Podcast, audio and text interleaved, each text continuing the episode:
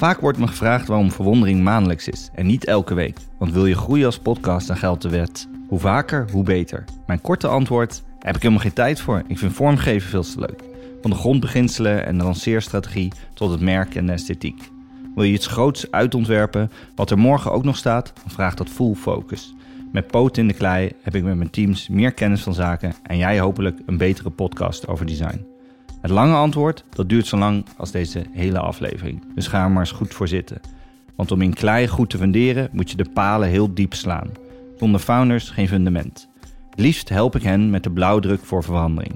Zodat we samen weten wat de droom is en nog veel belangrijker hoe je hem realiseert. In dat kader is vandaag een heel bijzondere uitzending.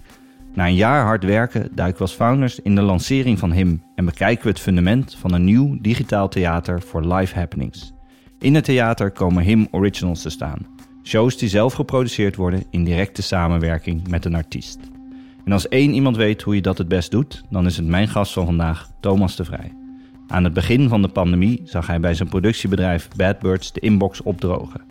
Waar zij eerder nog registraties en aftermovies verzorgden voor de grootste shows, neem Armin van Buren, Sunny James, Tomorrowland in België of Jakarta Warehouse Project in Indonesië, waren er nu wel geteld nul opdrachten over. Maar Thomas ging niet bij de pakken neerzitten. Sterker nog, hij werd de drijvende kracht achter de internationale succesvolle show Live on Dutch Waters met zijn goede vriend Martin Garrix. Die zat tenslotte ook thuis. Een bijzondere set was het resultaat. Die ervaring inspireerde hem om nog groter te dromen. Want als de show zo aansloeg op YouTube en op tv-zenders wereldwijd, waarom dan niet een eigen platform beginnen? Full focus op een nieuw format. Eén op één sparren met artiesten. Corona bood de kans om daarover na te denken. En zo ontmoeten wij elkaar. Na een wonderlijk lange e-mail van Thomas vroeg ik hem voor een zondagse kop koffie bij het Filmmuseum. Kon me geen betere plek bedenken om te praten over een digital first benadering van een concert. Ik wilde zijn idee beter begrijpen en het mijn eigen maken. Samen kan je een visie vormen tot een plan en een schets tot een merk. Want volgens ons zit de wereld helemaal niet te wachten op het zoveelste platform. Het verdient juist een podium, live concerten in een digitaal theater. Binnen een eigen format en met de grootste artiesten. Dat is de droom. Thomas vond daarvoor de perfecte naam: Him. Een hymne, een lofzang zoals die al duizenden jaren bestaat. Met liefde voegde ik daar de slogan Ode to Now aan toe. Onze Just Do It, als een ode aan het nu. Eerder deze maand hebben we de eerste stapjes als start-up gezet en lanceerden we Find Your Voice, de allereerste Him Original, samen met Davina Michelle. Ik weet niet of ik het mag zeggen, maar volgens mij de allerbeste zangeres van Nederland. Algehele powervrouw en ook nog eens hartverwarmend om mee te werken. Op 9 juni hielden we onze adem in toen we met onze teams de drie global livestreams lanceerden. Maar we hebben het overleefd. En prachtig om de reacties van fans wereldwijd te zien. En om heel eerlijk te zijn, zijn we nu doodop. Maar we dachten, is het niet nu juist het leukste en het allermooiste moment om samen een podcast op te nemen? Nu alles nog vers in het geheugen zit, een kijkje achter de schermen van het creatieve proces. Dit is seizoen 2 van Verwondering. Een podcast over design waar je beter van gaat kijken. Elke aflevering spreekt Harold Dunning met andere ontwerpers en ondernemers over de impact van hun werk. Samen verkennen zij wat een ontwerp goed maakt. Want, gelooft Harold, door samen beter te kijken ga je meer zien. Als de oprichter van strategisch designbureau Momkai is Harold gefascineerd door gebruikerservaringen. En als medeoprichter van journalistiek platform De Correspondent weet hij als geen ander hoe je een merk neerzet en de ervaring voor leden tot in detail ontwerpt. Zijn Momkai-team is dan ook wereldwijd veel gevraagd voor het ontwerpen van een member experience. Verwondering is misschien wel de meest visuele podcast ter wereld. Alles wat Harold en zijn gast bespreken kun je namelijk ook zien. Ga daarvoor naar verwondering.com.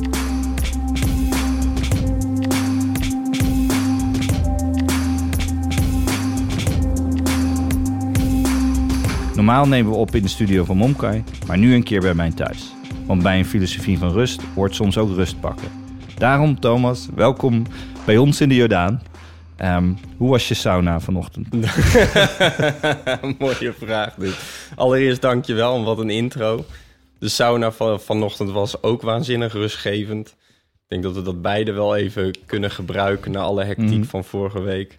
Dus ik ben inderdaad vanochtend vroeg opgestaan en samen met een eh, goede vriend eerst even flink wezen sporten. Ja. Alle adrenaline eruit. En daarna een half uurtje sauna mocht er ook, eh, mocht er ook wezen. Lekker. Wij werken natuurlijk deze samen. Wij delen zelfs een werkkamer nu samen. Dus ik dacht, hoe moet ik jou nou interviewen? Want dat is eigenlijk heel raar, want we zijn de hele tijd eh, samen. Dus ik dacht, oké, ik stel je één vraag, maar de rest van de vragen stel ik eigenlijk niet zelf. Die, eh, die heeft eh, Julie Donders, die mij altijd heel goed helpt bij de podcast. Stratege bij Monkai. Superleuk. Die heeft, die heeft, heeft een envelopje, dus ik weet Oh, het. toch? We weten het allebei niet. Nee, ik weet eigenlijk ook niet meer wat ze allemaal precies heeft gevraagd. Eh, gelukkig eh, Bot eh, Jelleba, die natuurlijk altijd de techniek verzorgt, die heeft meegekeken. En samen hebben ze een, een serie vragen. En die zijn eigenlijk vragen aan ons allebei. Dus eh, We kunnen ze ook samen antwoorden. ja, we kunnen ze samen antwoorden. En het is gewoon om het eens uit te proberen. We dachten, doe toch alles anders. Ik zit hier met mijn been omhoog eh, thuis. ik vind het heel gezellig dat jullie er is een zijn. bijzondere setting. Ja. Nou ja, Dus ehm, ik kon het niet nalaten om aan de buitenkant wel zelf nog te schrijven. Maar aan de binnenkant weet ik niet wat er staat. Dus dit zijn eigenlijk... Ik leg hier Ga- een gaan stapeltje... samen openen? Ja, Gaan- ik ste- leg een stapeltje en, eh, kaart, of, ehm, envelopjes neer. Past eigenlijk ook wel bij een show, hè? Zo'n envelop waar dan een iets net uitkomt. Een, net een spelshow. ja, dat is zo. Ja. Ik weet het, ik weet Doe het maar, zelf Doe maar koffer 14. Dus, ehm, en dat is, ehm, ja, eh, maak maar open. Dan eh, kunnen we de, de eerste, de voorste vraag, denk ik. Envelopje 1 met daarop show. Mhm. Uiteraard. en is het nog, zat er nou een volgorde in? Oh. Nee? Zeker. Er zit Ja? hier een heleboel Een vragen. heleboel. Eh, even kijken. Het is 9 juni, bijna 9 uur. Showtime. het eerste hymnoptreden met Davina Michelle staat op het punt te beginnen. Waar ben jij? Wat zie je? Wat hoor je? Wat voel je? Eh, jij vraagt er nu aan mij, Ja. of niet? Ja. Het is een hele andere podcast geworden daar. Oh ja, inderdaad.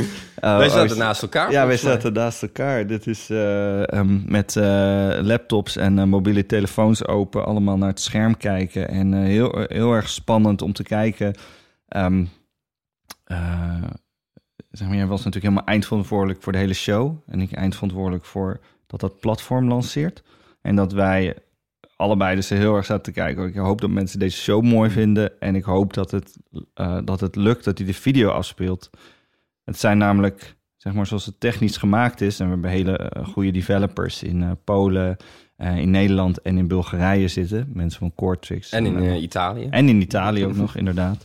En die, het was zo bedoeld dat er een intro is, dus een hele lange wachtruimte waar iedereen kan, ja, kan kijken, zeg maar, een soort spanning opbouwt naar de show. Die hadden we expres ontworpen dat die een half uur is, zodat hoe meer mensen daarin zitten en die stream werkt voor hun, nou ja, dan, hè, dan werkt de volgende stream en dan, is het, dan, dan weten we zeker dat het stabiel draait voor die mensen.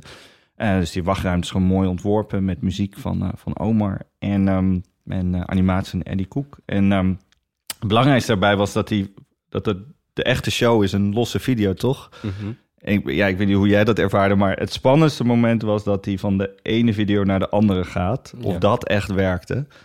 En ja, toen dat eenmaal lukte, ja, hoe voelde dat voor jou? Ja, ik had, het, ik had eigenlijk dat ik de hele weken daarvoor was ik echt in super, super gespannen eh, qua gevoel. Mhm. En je weet waar je naartoe werkt. Dat is inderdaad 9 juni, 9 uur. En op de een of andere gekke manier had ik op die dag zelf, ik werd wakker en ik dacht gewoon gelijk, het komt goed. Dus ik had een bepaalde rust die Mhm. dag. Wat ik heel erg blij was. En ik dacht, wat er ook gebeurt, het komt goed. Mhm. Maar dan nog, Ja. als het dan, eh, als het dan zeg maar vijf voor negen is en een half uur van tevoren hebben we inderdaad die countdown, Ja. dan zit je opeens ook heel anders naar die countdown te Ja, kijken. ja, want je hebt hem al honderd keer gezien Ja. en ope- opeens is dit de echte countdown en dan zit je er ook echt in.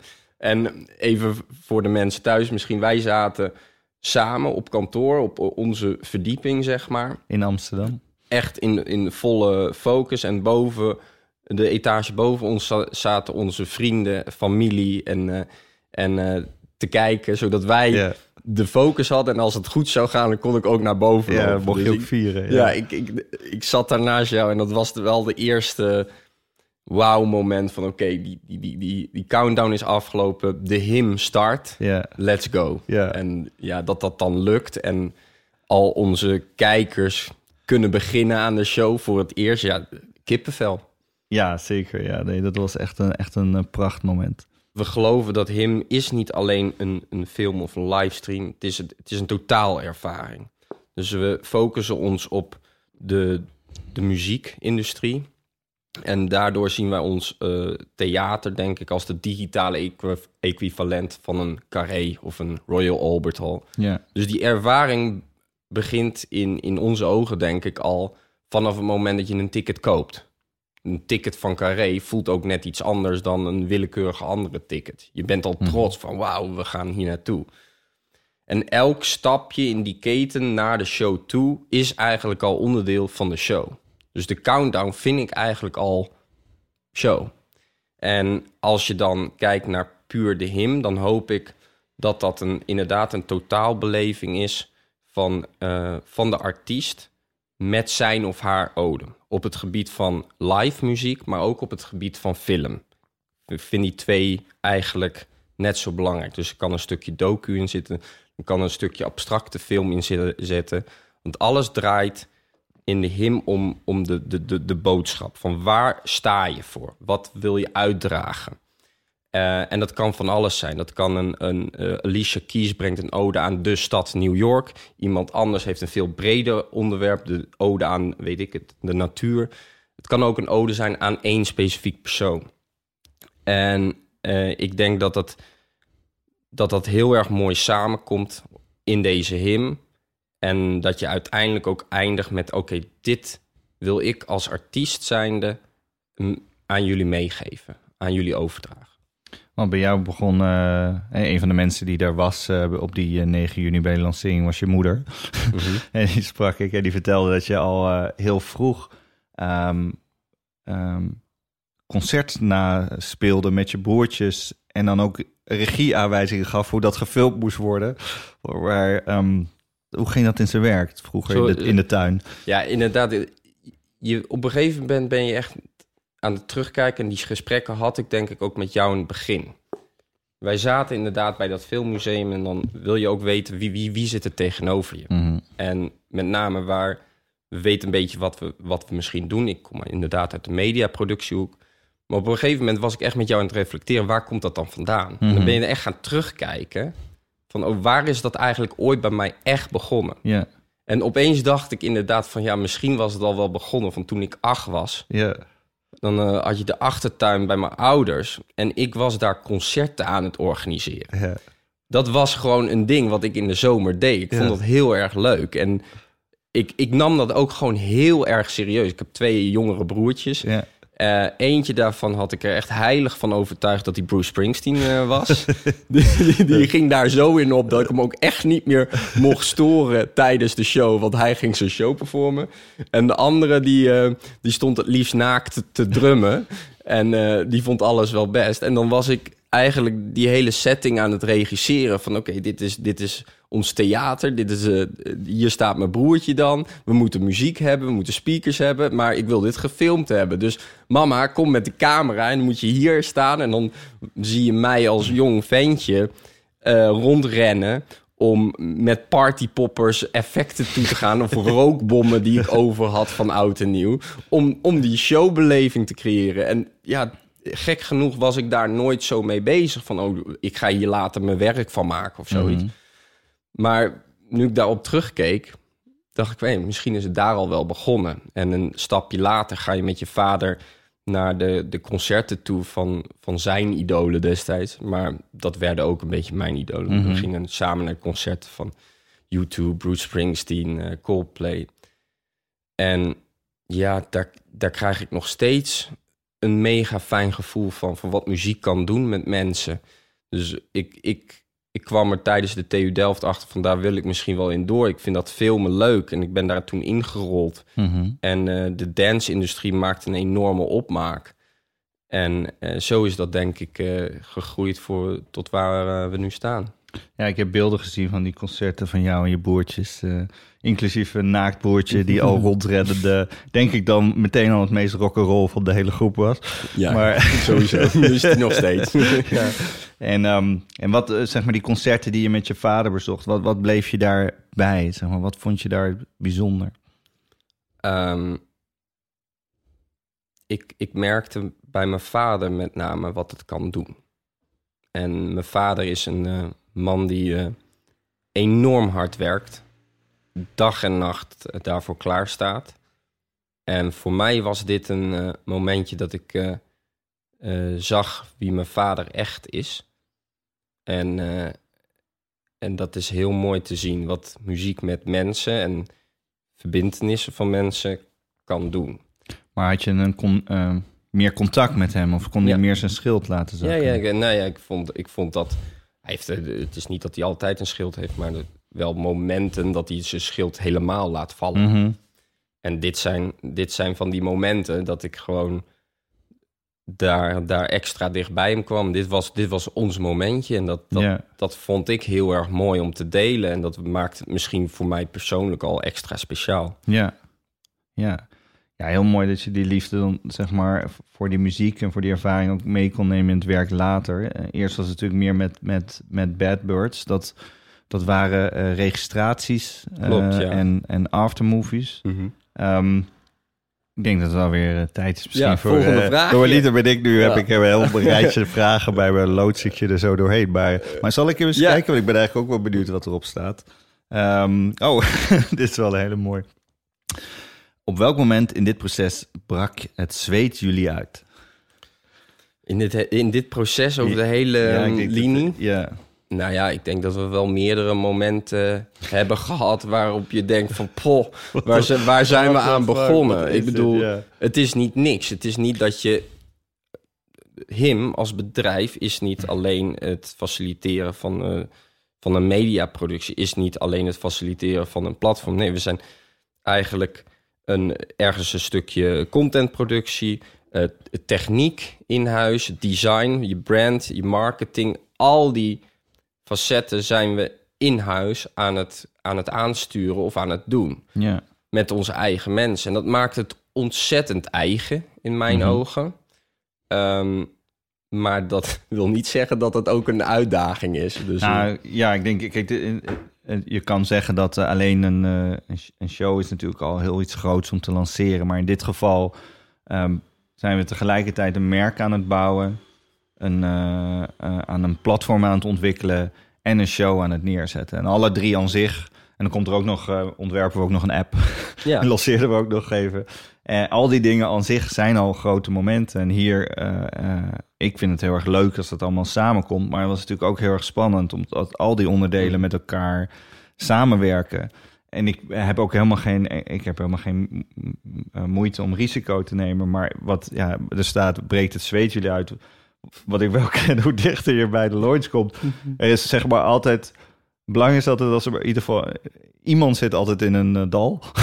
iemand zit altijd in de put. Het is altijd fijnst als je niet allebei tegelijk bent.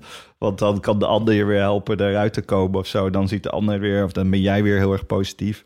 Ehm, ja, ik denk dat ik eh, gewoon een paar dagen voor 9 juni, dus eh, dat we de eerste keer de hele doorloop hadden van het platform. Dus dat betekent dat alle technische onderdelen werken en daarvoor gebruik je de echte showcontent. En de eerste keer dat ik de hele show zag, helemaal, plus dat ik mijn eerste keer mijn hele platform werkend zag, dat kwam allemaal in hetzelfde moment. En ja, mensen zeggen wel eens de generale, die, die moet een beetje verkeerd gaan. Nou, deze was echt hopeloos. was echt totaal kut. was echt een stream. Ah, daar stopt. Oh, dat is het eerste wat je al niet wil. En toen, nou, toen de show, de, nou, dat was dus niet uiteindelijk niet de final edit. Het was, nou ja, je hebt hem later nog, nog aangepast. Dat er nog dingen in zaten. Dat dacht, nee, dit moet eruit. Dit moet echt veel beter. Maar toen wisten we nog helemaal niet of we Ja. dat konden aanpassen. Nee. Eh, ja, ik weet niet hoe jij die generale Nee, ervaarde. Nou ja, ook zo natuurlijk. Dan denk je wel van, poh, komt dit wel goed? Ja. Maar aan de andere kant is het uitbreken van zweet of gespannen zijn voor iets... betekent in mijn ogen dat je ook gezamenlijk als groep en individueel je grenzen aan het verleggen bent. Ja. Dat je iets nieuws aan het proberen bent. En dat heb ik ook eh, in mijn eigen ontwikkeling ervaren. Dat ik echt heb genoten dat ik, nou, niet alleen met jou, Mhm. maar ook door jou, geïnspireerd ben geraakt voor, door mensen die echt gewoon ehm, een visie hebben op hun vakgebied. Ja. Maar ja, als je met zulke toppers mag werken, ik Ja. vind het ontzettend leuk natuurlijk om dit met jou te doen, want dan zitten we hier ook niet. eh, is dat, dat je ook bij jezelf af gaat vragen van... oh ja, maar ik moet ook mijn eigen lat hoger gaan leggen. Ja, weet je wel? Je, je bent elkaar aan het uitdagen. En, en ik bedoel, eh, je, dit is ook de eerste podcast die ik doe. Ehm, ik, eh, ik, ik, ik had dus vorige week het eerste televisieoptreden. En dan ben ik ontzettend blij dat Ja. ik mensen om me heen heb die, ja, zoals jij, die daar wel in, in ervaringen hebben van hoe pak je zoiets aan en hoe komt wel goed, Thomas en Ja. zo. Want ja, dat was ook voor mij een momentje dat wel even het zweet uitbrak van ja, oké, ik moet straks het verhaal doen op, Ja. op televisie. Komt dat wel goed?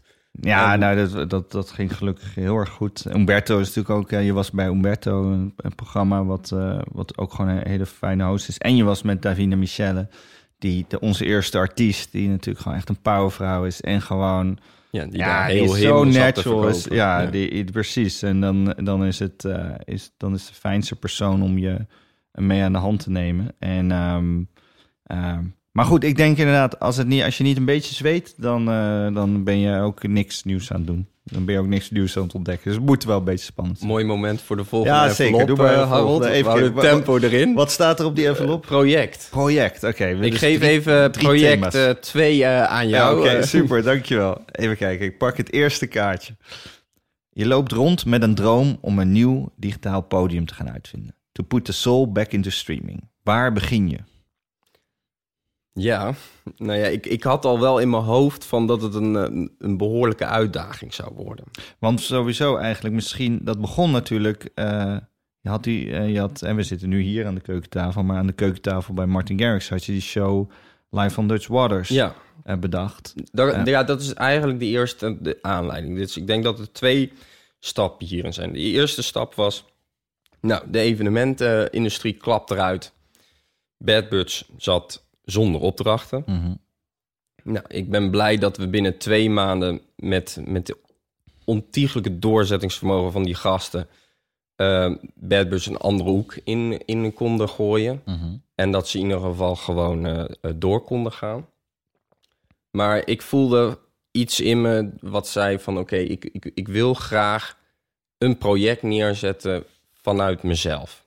Ik wilde me weer dat achtjarige jochie voel- voelen... wat gewoon iets kon bedenken op een, leeg vel papier... en dat gaan neerzetten.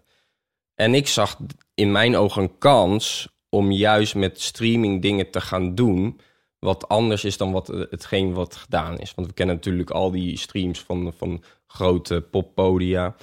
En in mijn ogen kon je ook iets anders doen. Dus ik kwam eigenlijk, doordat ik aan het varen was met een, met een andere vriend op de Kaag, op het idee om een livestream te doen vanaf de Kaag, vanaf een varende boot. Ik vond dat een dynamisch aspect geven aan de stream, wat toch iets anders is dan wat we gewend waren van, van DJ's. Ja, want we zijn dan echt in helemaal in de begindagen van, van de pandemie. Ja. Dus je weet ook niet zo goed wat je mag Nee. filmen. Je mocht heel Nee. weinig. En wat, wat je soms wel eens zag online waren best wel een soort statische streams. Klopt helemaal, ja. Man staat ergens en voor de rest gebeurt er weinig. Ja, dus ik ben, eh, ik ben met dat plannetje naar Martijn gestapt. Eigenlijk bij hem aan de eettafel, letterlijk door die presentatie gelopen. En Martijn is gewoon heel erg snel en direct erin. Die vindt iets heel tof of niet. Ja, En hij, hij was gelijk aan. Hij zegt, ja, Ja. dit wil ik ook gaan doen. Ik wil, eh, laten we juist nu van de kans gebruik maken om, om iets neer te zetten wat, wat mensen kan inspireren. En eh, dan moest alleen nog even langs eh, zijn vader en zijn manager. maar die vonden het eigenlijk ook wel tof. Eh, we moesten het alleen een week later ook, ook gaan doen. Dus we hadden maar een paar dagen om het helemaal te produceren. Maar we dachten, we gaan ervoor. Eh, we geloven hierin, dus let's go. trouwerij van je moeder zat er nog. Ja, de, de trouwerij van mijn moeder was op de zaterdag voor de opnames op, op maandag. En ja, dat, dat, maar ja, je doet dit uit passie. Mhm. Je doet dit omdat je weer dat, dat jonge jochie bent, wat dit wil neerzetten. En, eh, en als dat dan daar ook staat, en je bent dus met, met z'n allen dat aan het filmen, en het gaat live op Mhm. YouTube, en je ziet de reacties vanuit mensen over de hele wereld, wat dat Mhm. kan doen. Zo'n zo'n idee neerzetten. Je- dan krijg je daar zo'n energie van Mhm. van wauw, oké, je kan gewoon iets bedenken En een paar weken later staat het daar. Mhm. En dan die reacties zien. de- het was voor mij gewoon een complete ommezwaai van... ja, hier geloof ik in. Hier, ik, ik denk echt dat, dat als je niet een paar weken neemt... maar misschien nog veel langer de tijd om bijzondere dingen neer te gaan zetten... wat, wat zou je dan wel niet allemaal kunnen doen? Mhm. Dus ik ben een. eh, heb toen echt een, een, een belangrijke stap moeten zetten. Ik eh, ben naar kantoor gegaan bij Bad Birds en ik zeg: ja, jongens, ik, ik, ik geloof dat er hier iets, iets is. Mhm. Maar ik heb daar tijd voor nodig en ik wil dat gewoon doen. Want anders dan Mhm. denk ik dat ik daar altijd spijt van zou krijgen. Dus ik ben hem teruggetrokken, ben dat plan, wat, wat him is geworden, gaan Mhm. uitschrijven. Dus, ehm, en als je met dat plan, ehm, een maand later was dat denk ik af. En kan beginnen, dan, dat is dus om even terug te komen op de vraag, waar begin je? Mhm. Ehm, ik begon denk ik met te kijken, oké, ik ben misschien, misschien ervaren in, in het stukje eh, mediaproductie, maar er Mhm. zijn echt genoeg dingen waar ik niet ervaring in heb en waar ik graag ja, mensen om me heen verzamel die op dezelfde manier in het leven staan. Ik denk dat het begint bij een passie voor creëren. Ehm, nou, vrij snel ehm, eh, eh, Luc en jou eh, op het spoor gekomen. Lu- Luc Peters. Luc die, Peters. die via LinkedIn benaderde Ja. als Peter. Ja, Hey, als Peter. Dat was eventjes... Het was al laat op de avond, maar inderdaad... de eerste stap was eigenlijk van... Oké, Thomas, jij bent echt niet sterk in legal en in eh, operationeel management. Dat, dat, dat is gewoon niks voor mij. Ik, ik, ik, ik ben niet de, de persoon van de, de dagelijkse structuur en de, de, de kleine lettertjes. Nou, Maar en, is- ehm, ja, en rechten zijn zeker binnen mediaproducties On- ontzettend belangrijk. En ook Muziekrechten, het, Ja. het is gewoon echt een vak apart. nou, en een van de dingen ook waarom het moeilijk is om zeg maar echt voet aan de grond te krijgen in zo'n markt. En bedoel, iemand als Luc Peters, nou die deed, eh, die haalde de Champions League Ja. rights binnen bij. eh, Ja, Bij ontzet- SBS, dus- ontzettend vet. En Ja. ik, ik kwam dus eigenlijk, ik dacht, ja, als we dit op dit niveau willen, willen uitrollen, dan moet dat wel iemand zijn met, met gewoon voldoende ervaring daarin. ja. Ja, hij heeft zeven jaar bij iWorks gezeten. Eh, eigenlijk de, de general counsel van, eh van Reinoud Oerlemans. En vijf jaar lang operationeel management bij SBS. Ik dacht, nou, die man die, Ja. die kan wel wat. Zeker. ja. En, eh, en eigenlijk vanaf het eerste gesprek klikte dat. En eh, zag hij waar het naartoe kon groeien. Mhm. En, eh, en is die gewoon eigenlijk gelijk aan boord gesprongen. Van oké, we gaan ervoor. ja. Maar ja, stap twee is wel van oké, ja, leuk, de legal, operationeel, het media. Maar ja, en dan het theater. Ja. En ik dacht van ja, dat moet iemand zijn die, de, waar je het gewoon ook voelt Mhm. dat, dat iemand ergens in gelooft. Dus je, je visie deelt. En ehm, nou, ik denk dat eh, via een paar vrienden hadden we een lijstje met goede bureaus, kantoren, mensen, namen. En ik ben, ik ben door die lijst heen gegaan en eh, vrij snel hadden wij een... eh, een, een ik, ik was eigenlijk getriggerd op de een of andere manier door wat jullie met Momkai hebben neergezet. En ik, ik, ik kon het niet precies pinnen, maar iets trok me daarin aan. Dus ik dacht, nou, weet je wat, ik, ik, ik ga gewoon open, Mhm. zoals Thomas dat doet, met een hele lange mail, iets te lange mail blijkbaar, eh, erin. En Ja. ik wil graag kijken waar, of daar een gesprek uit eh, te halen valt. Nou, dus ik een, eh, een mail gestuurd inderdaad naar, naar jullie kantoor. En wat ik denk heel erg goed is, bij Momkai proberen ze jou denk ik een beetje te beschermen voor, voor veel aanvragen. En dat er gewoon de juiste dingen op je bureau eh, terechtkomen. En blijkbaar kwam ik soort van net wel door die selectie heen. Ja. Eh, en, eh, en lag mijn mailtje daar op, op, op, je bureau. En was je toch ergens getriggerd van, nou, ja, ik Ja, weet het was- ook niet ja. helemaal. Nou, dat was wel heel grappig. Het was het, eh, David wil zeggen, de managing director bij Boemke, die, die kijkt alle, bekijkt alle aanvragen en scheidt een beetje het kaf van het koren. En die inderdaad is heel goed in het beschermen daarin. En die zei, ja, ik weet het niet. Maar ik wil, je, ik wil deze toch even laten Nou, zien. dankjewel David. Shout-out naar daar, daar je David natuurlijk altijd mee. Dat is alleen maar Ja, hilarisch. nee, het was gewoon druk. En, ehm, en dat was juist heel erg mooi. Ehm, en ik zei, nee, nee, wacht even. Dit is, ik volg het niet helemaal, maar dit, dit is wel echt heel erg interessant. En ook in die zin, omdat, ehm, ja, om- omdat ik ook echt geloof dat, dat als, je, eh, hè, als je het format wil veranderen, eh, hè, dus als je een ander verhaal wil schrijven met de muziekproducties die je probeert neer te zetten, dan moet je niet alleen de, de pen veranderen, maar ook het papier. Dan moet je het, het liefst het heel holistisch aanpakken. En ik had natuurlijk al gezien dat je eh, ja, het groots kon aanpakken met eh, Martijn, dat is eh, Martin Garrix, ehm, ehm, met een hele bijzondere productie. Maar dat je ook zag van ja, wacht even, deze jongen heeft echt ja, veel meer ruimte nodig op een eigen podium, met een eigen spotlight, en een eigen theater, zodat, zodat je een soort totaalervaring neer kan zetten. En wat we denk ik allebei heel interessant vinden en wat ik vaak mis online, is, is, is, is dat je daar een hele duidelijke focus, een hele duidelijke keuze in maakt, zeg maar. Dus dat we, ik denk dat we veel eerder ehm, geïnspireerd zijn door iets als Masterclass, wat een hele duidelijke vormtaal heeft, absoluut. een hele duidelijke inhoudelijke focus. Dus Masterclass zijn, zijn grootmeesters in een vakgebied, of in ieder geval die vaak door het publiek als grootmeesters worden gezien. Eh, of het nou een Bob Iger, CEO van Disney is, of, eh, of ehm, eh, Anna Wintour, eh, de, de eh, editor-in-chief van Vogue. In ieder geval mensen die experts zijn op een platform. En ja, die filmen ze op een soort gelijke manier. Dat is eigenlijk geformat.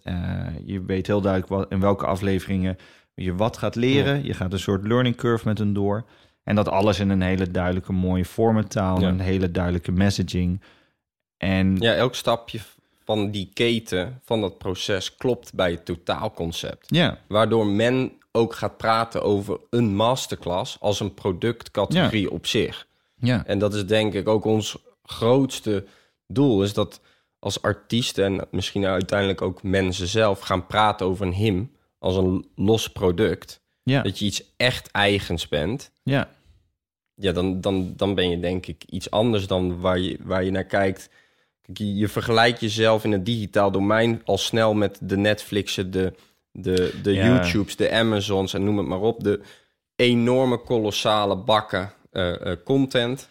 En dat is allemaal prima. En die moeten er ook vooral zijn.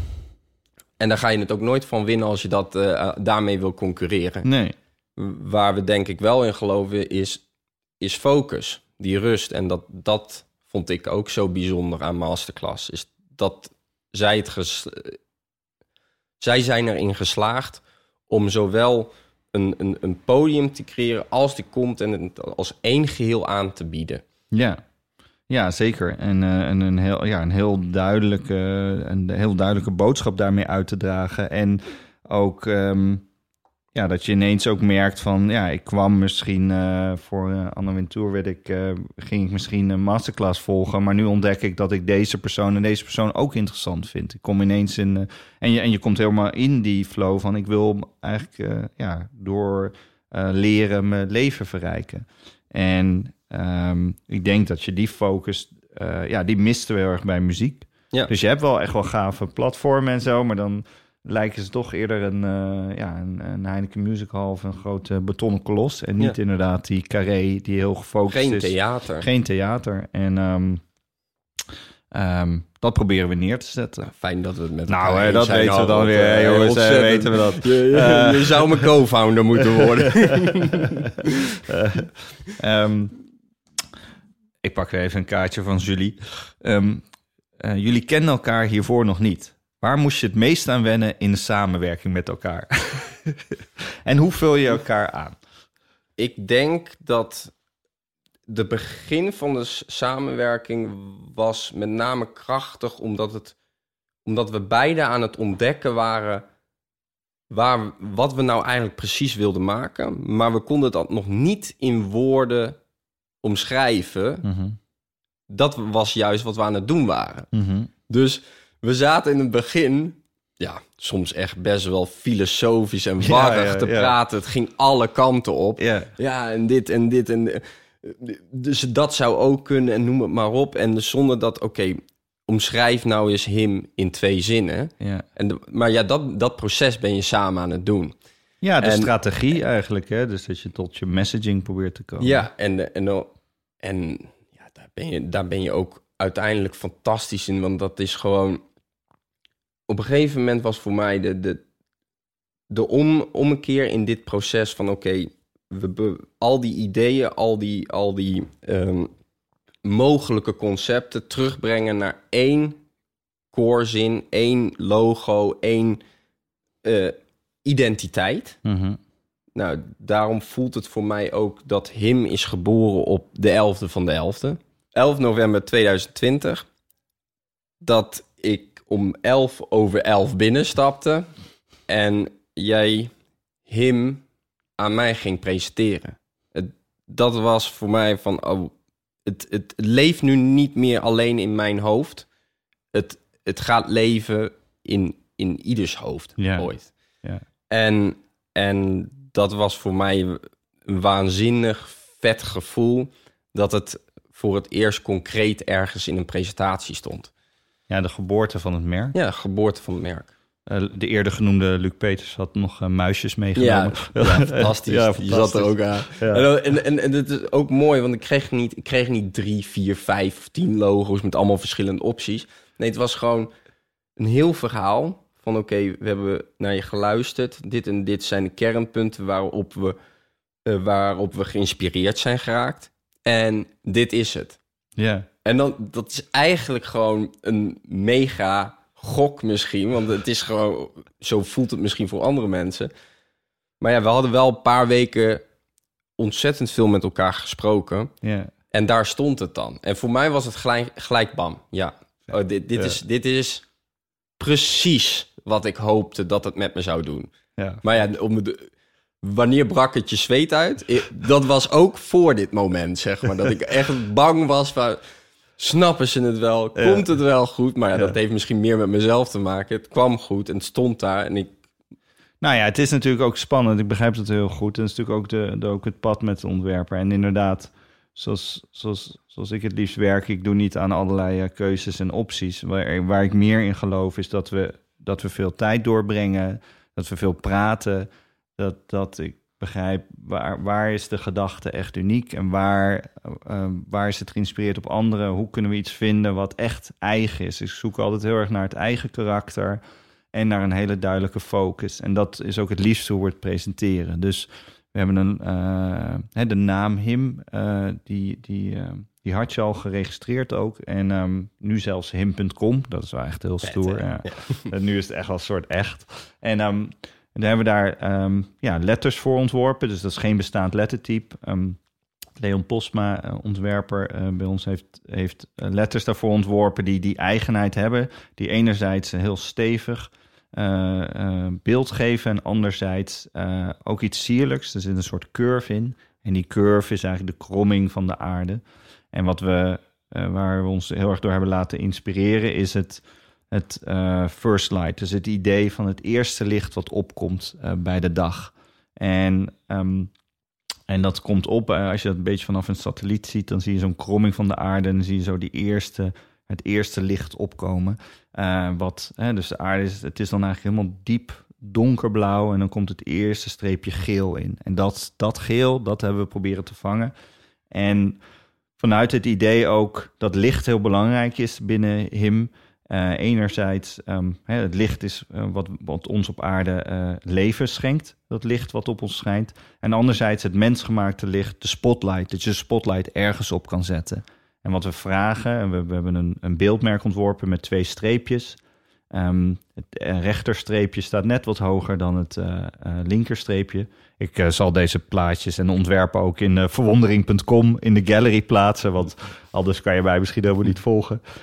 Dit, dit ontwerp kan ik wel heel makkelijk uitleggen, want het zijn twee streepjes. Maar we wilden iets hebben wat heel erg opwaarts is, wat heel erg naar boven gaat, zeg maar. Hè? Vanuit het idee van de ode. Ehm, en ook heel erg eh, in de gesprekken met jou heel erg proberen te vatten van... oké, dit is het, eh, waar, waar de artiest misschien sterfelijk is... Kan, kan muziek altijd voortbestaan. Dat is groter, dat overstijgt het. overstijgt landsgrenzen, overstijgt nationaliteit... het overstijgt vaak zelfs taal... waarin mensen het mensen verbindt. En, ehm, Eh, we zochten heel erg naar. Hè, ik ben natuurlijk zelf altijd heel erg bezig met memberful design. Dus hoe kan iets uh, meaningful zijn, een, een, een betekenisvolle ervaring zijn? Hoe zou mooi zou het nou zijn als die artiest ehm, de spotlight gebruikt om aandacht te brengen aan iets, aan iets groters dan zijzelf? Want de artiest die vraagt natuurlijk die spotlight, ehm, maar laat het hun schijnen op een, op een onderwerp wat zij belangrijk vinden. Ja, en dat, en dat zie je steeds meer gebeuren bij artiesten. Artiesten die voor iets of iemand staan of opkomen, een boodschap willen delen. En of dat nou al in de muziek zit of de, dat ze daarnaast doen. Ja. Ehm, ja, kijk naar Coldplay die echt zegt van we hebben een stap terug gedaan met toeren. Omdat we een message hebben over het klimaat. En daar de afgelopen jaren behoorlijk voor uh, zijn opgekomen. Ja. En ik denk dat dat in grote of kleine mate... dat elke inspirerende artiest een bepaalde boodschap heeft of wil delen. Oké, okay, uh, volgende vraag. Is, is dit de laatste uit het, uit het envelopje-project? Um, ja, volgens mij wel. Uit het uh, envelopje-project is dit de laatste vraag. Jullie hebben in zeer korte tijd alles opgebouwd. Van het team tot het digitale theater. Hoe houd je de regie en maak je de juiste keuzes als alles snel moet? Door heel veel vertrouwen te schenken. Ik denk dat vertrouwen is het allerbelangrijkste in een team. Zeg maar, als je de goede mensen bij elkaar vindt, dan, um, uh, ja, dan is het een, combinatie denk ik, van, van echt de blijven praten en, en uh, doorvragen. En als je dan het gevoel hebt van ja, hier zitten de juiste mensen op, dan hun juist ook die ruimte gunnen en de ruimte geven, zeg maar. En ik denk dat het een hele mooie, uh, wat ik inspirerend vond, is de combinatie tussen um, uh, uh, hele ervaren krachten, mensen die, die nou, echt oude rotten al zijn in het vak, tot aan heel jong talent.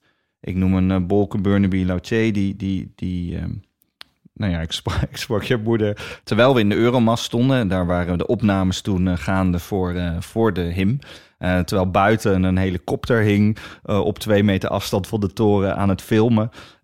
tijdens die show ontmoet ik je moeder daar in de gang bij, bij de lift. En ze vertelde dat de, de technische director van die hele shoot is Bolke Burnaby Lautier. En dat zij die uh, ooit jaren terug uh, bij Ivonie had gezien in de show. Klopt. En dat hij doet hele grote producties voor U2, Ariana Grande, uh, Rolling Stones. Eigenlijk alle concertfilms die je op Netflix kan zien. Daar zit gewoon een Nederlander achter. En um, het is heel inspirerend wat hij daar neerzet. zowel technisch als, als in ambitie. En um, hij is een keer door Ivonie geïnterviewd. En toen je moeder vertelde dat ze had zoveel, ze zag zoveel overeenkomsten met zijn drive en zijn technische focus en zijn liefde voor het vak. Ze dacht, hey, dit lijkt wel een beetje op jou, Thomas. En dat jij het ook moest kijken. En waar elke ander dan zou, gewoon zou kijken, die aflevering, uh, vertelde ze dat jij contact had gezocht met, uh, met Bolken. Mm-hmm. Nou, jullie schelen denk ik 30, ja, 40 jaar. überhaupt normaal. Mijn moeder kwam al regelmatig met dat soort verzoeken. En normaal zei ik dat ik had teruggekeken, maar keek ik het niet, uh, eigenlijk niet echt terug. Maar bij deze heb ik het denk ik wel vier keer teruggekeken. En uh, inderdaad, Bolk is iemand die in het begin ook van Bad ik ging mijn eerste livestream doen. Deze man heeft mij echt omarmd. Vanaf een moment één. En uh, die is zo ervaren op dit vakgebied. Die heeft zo, zoveel visie daarin ook. En, Wat maakt Bolk zo goed? Of zijn team? Ik denk um, de mensen die zich om zich heen heeft verzameld. En de totale rust die die bewaakt. Want je moet je voorstellen, livestream of live registraties is echt gewoon iets waar vrij makkelijk uh, mensen heel erg gestrest van ja, worden. En kan heel veel mis. Deze man brengt rust en focus en kan heel helder nadenken en besluiten van oké, dit doen we wel, dit doen we niet. En werkt met mensen samen die, die, uh, die ook graag voor hem door het vuur gaan. En alles willen geven. Je, je, Bolken doet dit niet alleen. Nee, hij heeft het zo geregeld dat, dat, dat hij met een team werkt. Wat elke keer bij elkaar komt, van elkaar wil leren of wil inspireren en het, het vak van mediaregistratie naar een hoger niveau wil tillen. En dat kan je alleen maar met, met mensen doen dat als elke persoon in die keten gewoon goed is. Want dan is er, is er geen zwakke schakel. Nee, we gaan, het, we gaan het samen naar een hoger niveau tillen. En we weten dat op elk plekje zit iemand goed. En dat Bolk is daar gewoon een perfecte sturende factor in. En bovendien een onwijs aardige vent. Ja, want een van de dingen die we werden opgenomen, dus uiteindelijk een show gedaan uh, in, in Rotterdam, uh, in de onderzeebootloods en op de Euromast. Um, en naast, uh, naast zeg maar de, de registratie, de, multicam heet dat dan, met meervoudig meerdere camera's iets mm. opnemen, was daar ook een heel bijzonder lichtontwerp door, door het Belgische Arvin Yes, um, waar de show director, dus degene waarmee je eigenlijk de hele show hebt uitontworpen, Nicolas Kaiers. Volg hem op Instagram, is echt hilarisch. Zijn alter ego's verbieden is heel hilarisch. Hij, al zijn presentaties van een show zijn sowieso al een show aan zich. Um, en de lichtontwerpers van, van Arvin Yes, die doen normaal ja, modeshows voor um, Chanel, Dior, uh, Givenchy. Echt prachtige, prachtige lichtshows. Ook heel interessant. Die werden natuurlijk ook allemaal online, digitaal in de afgelopen tijd. Um, en die mensen durfden met dit kleine start-upje deze ja, paar jochies... niet regisseur ja. Job Robbers. Heeft ook echt dit omarmd alsof het zijn, zijn kindje is. En dat, precies dat, dat mensen het omarmden alsof het gewoon het laatste ding was wat ze zouden doen. Ja, ja. Dat was de chemie. De chemie zat hem... De eerste grote draaidag was, uh, was op de Euromast. En die dag zelf zag er niet zo goed uit. Maar qua weer. het was, het was uh, regenachtig. regenachtig het was enorm bewolkt. En we zouden dus met een helikopter en drones gaan vliegen. En ja, er waren een paar mensen die zagen niet meer zo zitten. Ja. Maar echt een uur voordat de opname zou beginnen, trok de hele lucht open. En dat deed iets met iedereen. Iedereen zag letterlijk het zonlicht vallen op de Euromast tussen de wolken door. Het was echt ongekend. Ik zal die uh, shots hiervan ook op verwondering.com in de gallery zetten. Dan, dan, ja, je ziet Michelle staan op de toren met een helikopter en, vlak voor haar. Met de zon die ondergaat erachter. En daardoor ontstond er een bepaalde chemie in het team. Die er ook al was in de pre-productie. Maar daar echt bevestigd werd. Dat, dat, dat was iets magisch. Mm en, en, en dat hebben we kunnen doortrekken in de, in de dagen van opnames daarna. Ik nog steeds als ik aan terugdenk van wat die, hoe die mensen erin stonden, al deze toppers, mhm. dan dat, dat, dat is kippenvel. Dat is gewoon zoiets bijzonders dat je elkaar totaal geëmotioneerd in de armen valt van uh, allemaal coronaproof, want we waren getest. Maar, allemaal getest. Um, um, en echt denk van we hebben dit met z'n allen met heel veel passie gedaan. Mhm. Echt met z'n allen. En dat, vond, dat, dat gaf mij nog steeds een enorm warm gevoel. Als je daaraan uh, terugdenkt. Maar goed, even, om misschien ook even kritisch te zijn. Wat hadden, wat hadden we anders moeten doen de, afgelopen negen maanden? Nou, ik denk een van de dingen die we beter had kunnen doen... is uh, je kan altijd alles veel beter uitplannen natuurlijk. En dat er meer ruimte is voor reviewmomenten en zo. En ik wil natuurlijk altijd... Ik vind altijd, ik schep er altijd heel veel eer in dat er structuur en rust is. En uh, uh, zodat, je, zodat je alleen maar druk hoeft te maken om de inhoud. En, uh, maar dat is bij een start-up natuurlijk altijd uitdagend. Ja. Uh, Begrotingen zijn ook wel Begrotingen zijn altijd, ja, die negeer ik altijd, maar die, die, zijn ook heel, die zijn ook heel uitdagend. Ze zijn niet ook allemaal aan die begroting gehouden, maar goed.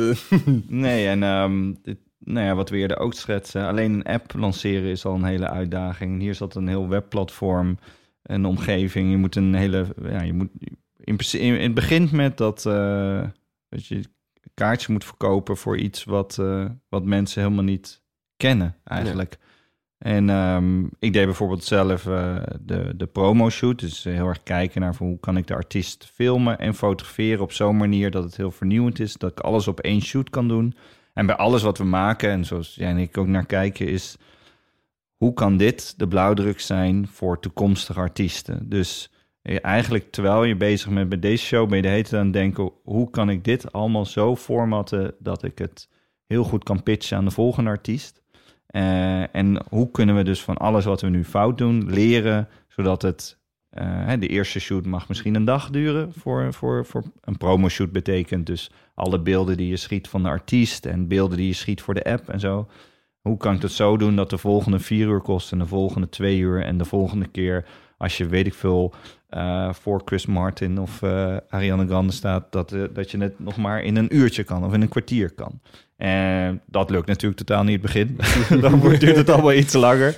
Um, met de beste bedoelingen hoor van Daniel Ashes. Ik bedoel, ja, ja. werkte echt met de top. Nee, Daniel Ashes maakt de hele, die heeft de portretfoto's gemaakt. Maar ja, je bent natuurlijk aan het ontdekken wat, wat is die, die him-foto? Nou ja, dat was. Ja, ik, ik had daar bijvoorbeeld een hele. Uh, uh, een, een, een, foute aanname gemaakt. Die, die ik later wel interessant vond. Dus dat ik. Er was natuurlijk helemaal niks in het begin. Dus er is geen enkel beeld. En alles wat we hadden ontworpen van de branding en zo. Dat was de visualisatie van wat him is, zeg maar. Maar omdat je nog geen artiest hebt en zo, heb je nog geen beelden. En omdat de show nog later wordt opgenomen, heb je helemaal geen beelden van de show. Dus je moet iets verkopen waar niemand van weet hoe het eruit ja. ziet. En denkt, ja, oké, ja, leuk verhaal voor jullie, maar wat is het dan? Dus de promoshoot was heel belangrijk om, zeg maar, de, de, de visuele uh, materialisatie te krijgen van het concept.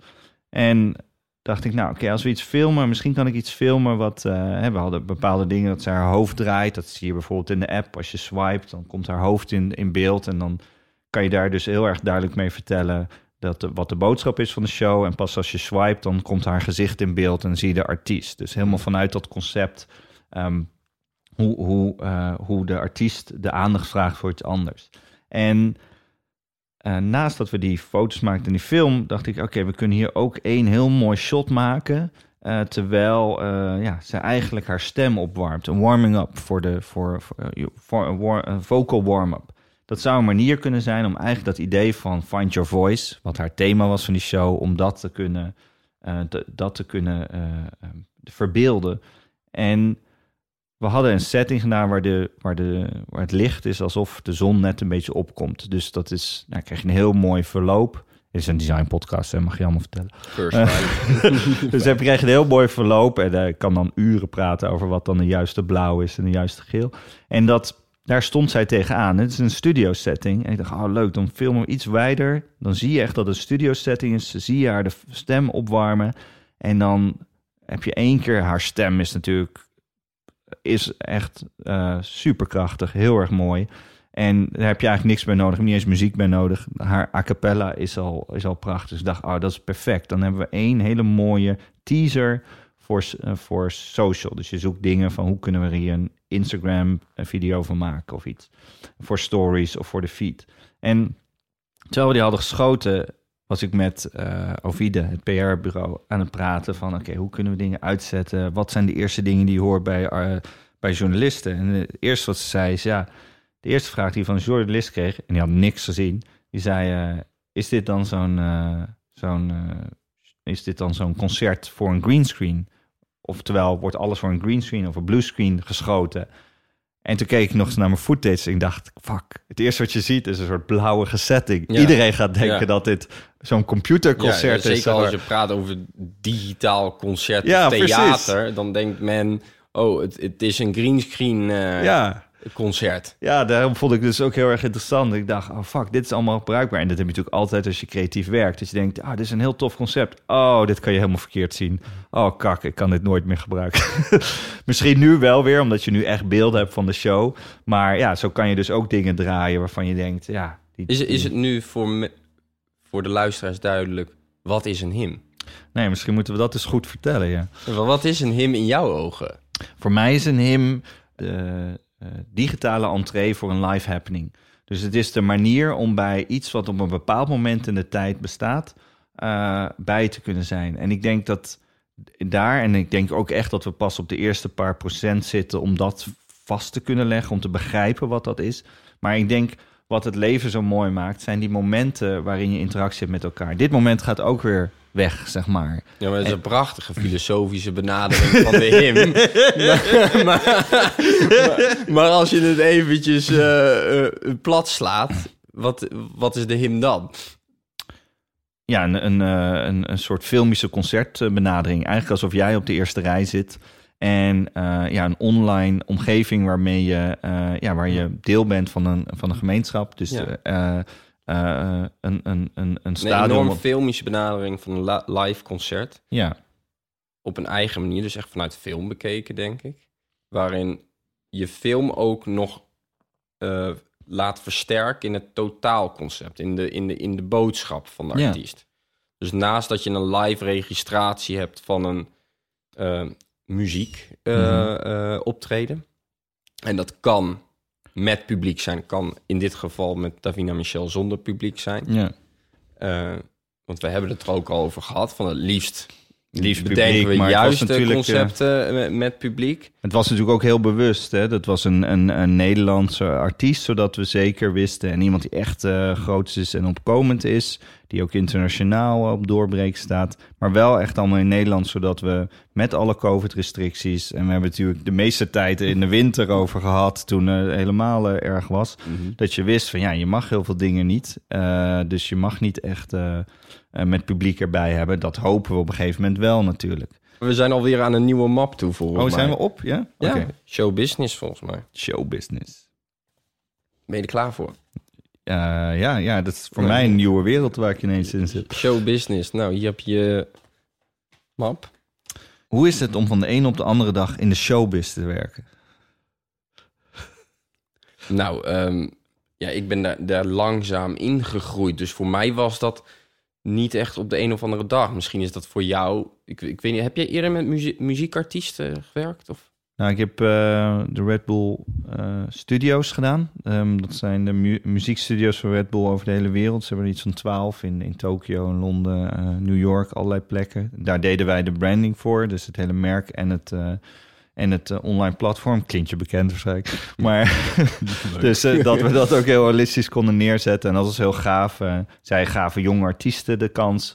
Eh, een Mr. Props eh, was nog een onbekende artiest die altijd daar muziek opnam eh, en daarmee zijn, zijn nummer 1 hit in Amerika haalde. Eh, of in Engeland. En tot aan Pharrell. de, de, tot aan de grootste sterren die, die daar ja, muziek maakten. En wat zij altijd terugvroegen waren verhalen. En dat vond ik eigenlijk een heel mooi principe. Daarna heb ik eigenlijk een hele tijd niet meer met muziek gewerkt. Ik heb heel vroeger nog Piet Philly, een muzikant, een hele een soort album release online gedaan, wat heel erg gaaf was. Ook met Daniel Ashes trouwens, dat was heel erg leuk. En ehm, eh, ja, en toen jij eh, met je mooie lange mail aankwam, toen dacht ik, oh, dat vind ik wel heel erg leuk, omdat het heel erg die eh, ja, als het, ik, ik vind het dus heel erg interessant en ik denk ook wel dat dat het meest interessant is aan digitaal, hoe je mensen kan verbinden. En ik denk altijd dat er heel erg de potentie daarvan heel weinig wordt benut. En ik had het natuurlijk, mijn, mijn soort media-ervaring recent was natuurlijk allemaal de correspondent. Mhm. Dus eh, hoe kan je eh, samen eh, ehm, leren hoe de wereld beter werkt? En dat zijn hele mooie, hele belangrijke onderwerpen. Alleen, ehm, ja, wat ik hier heel interessant aan vond, is dat het ook echt mag gaan over het plezier die mensen daarin hebben. Mhm. En de dingen die misschien, ah, wat je in het begin ook zei, die je misschien niet altijd per se in woorden kan vatten. Want hoe is dat met een concert? Ik, eh, zeg maar, mijn research bijvoorbeeld voor dit, eh, om toen, eh, zeg maar, met in, de, in de wereld van Himdook, was dat ik allerlei livestreams ging kijken met een hele goede vriend van mij in Italië.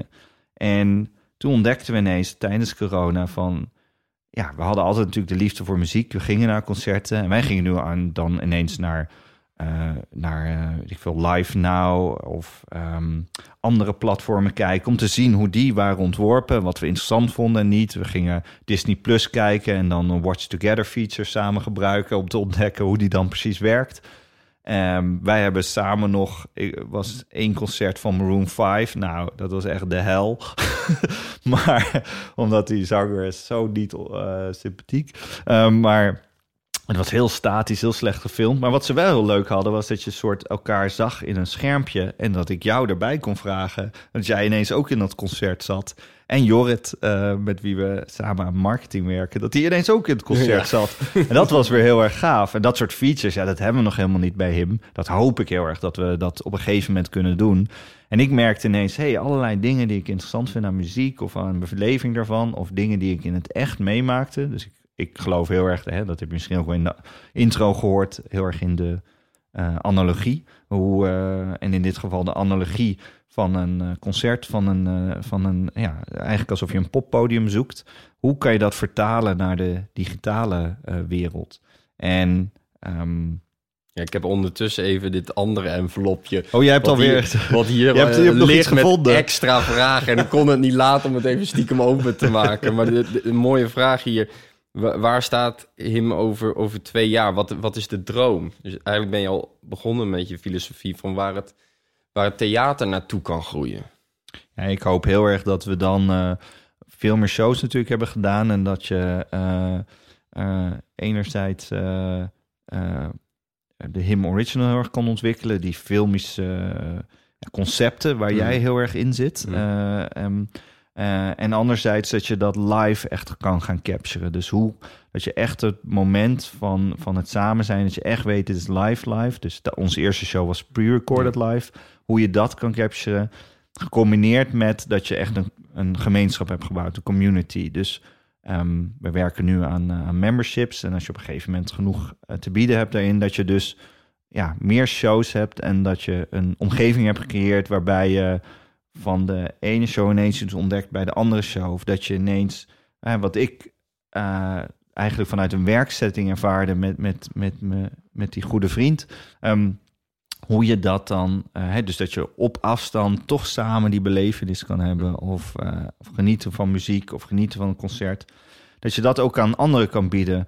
Ook bijvoorbeeld simpele feit, iemand woont, woont in Indonesië en de, de grote artiest waar zij fan van zijn, die komt misschien nooit op een eiland eh, Mhm. op bezoek. En eh, maar op deze manier kan je er toch bij zijn. Ja. En, en daar leggen we nu de eerste steentjes, eh, zijn we nu op elkaar aan het leggen daarvoor. Ik hoop heel erg dat we dan veel meer een platform hebben met, ja, waar, waar mensen echt het gevoel hebben, dit is echt een verrijking voor mijn leven, dit is echt inspirerend voor me.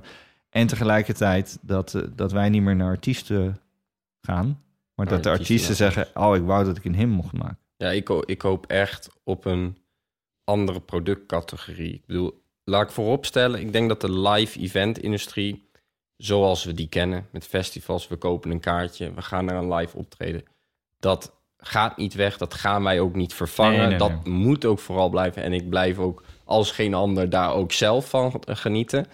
Neemt niet weg dat er, eh, ik denk in mijn ogen, ruimte is voor een ander type product. Een vergelijking die ik denk ik ooit maakte in, in een van onze eerste gesprekken is die van de Imagineers.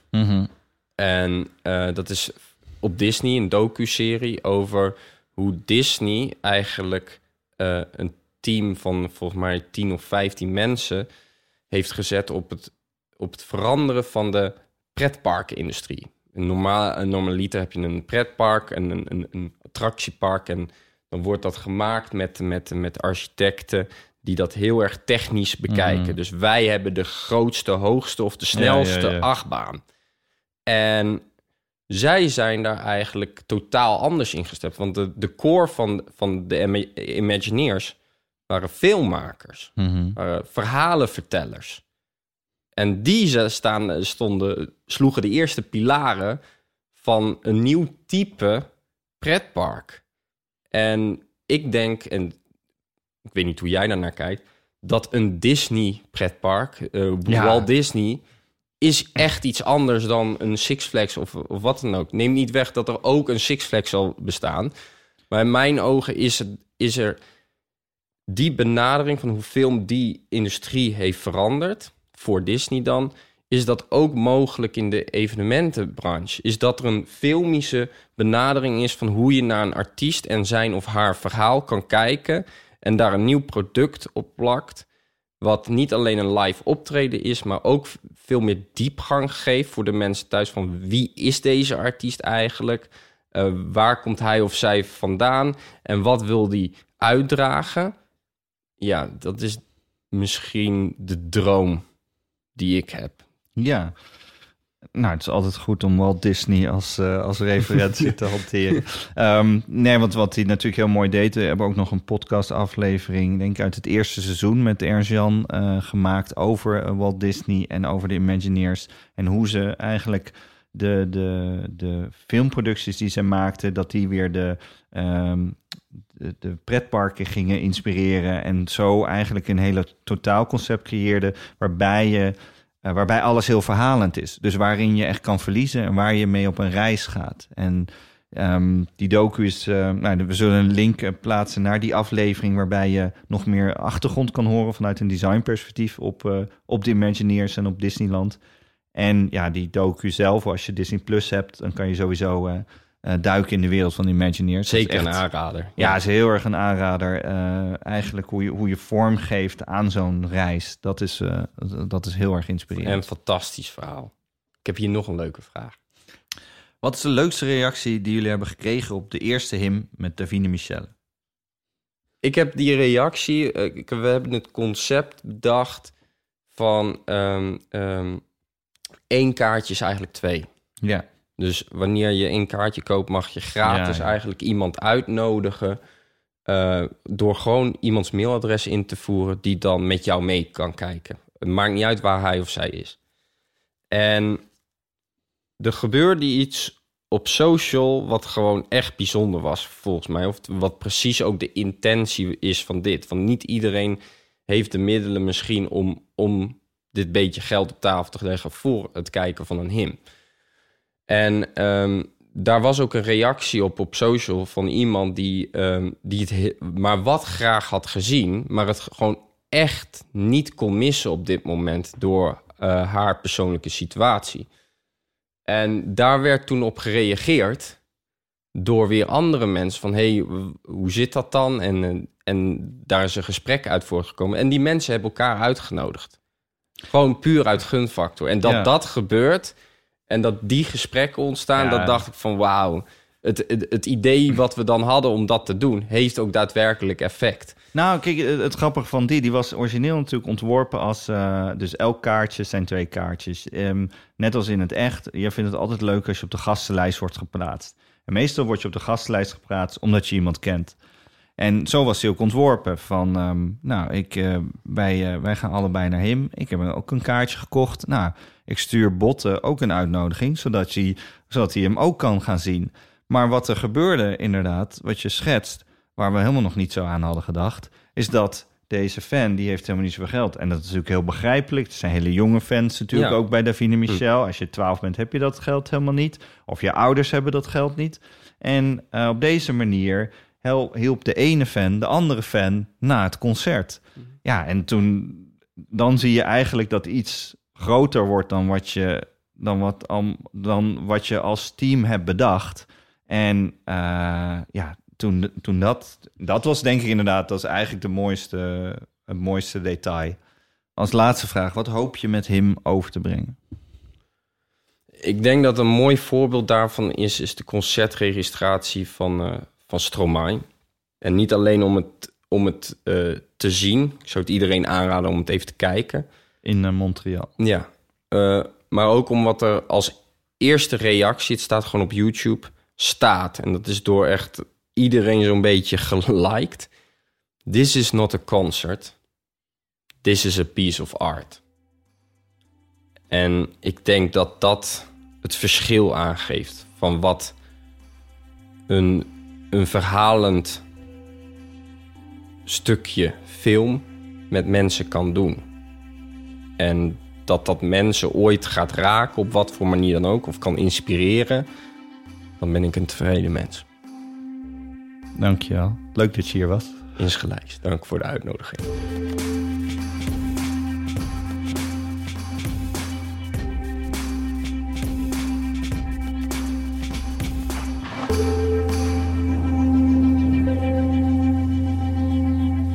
Wil je met jouw organisatie, groot of klein, start-up of skill-up, ook eens met Huddles designteam werken? Ga dan naar momkai.com of stuur Huddle een berichtje op Instagram. Heb je reacties, tips of ideeën voor een gast? E-mail ons via podcast.verwondering.com. En je kunt ook een review achterlaten via iTunes. Dat vinden we heel leuk om te lezen. En het helpt andere designliefhebbers deze podcast te ontdekken.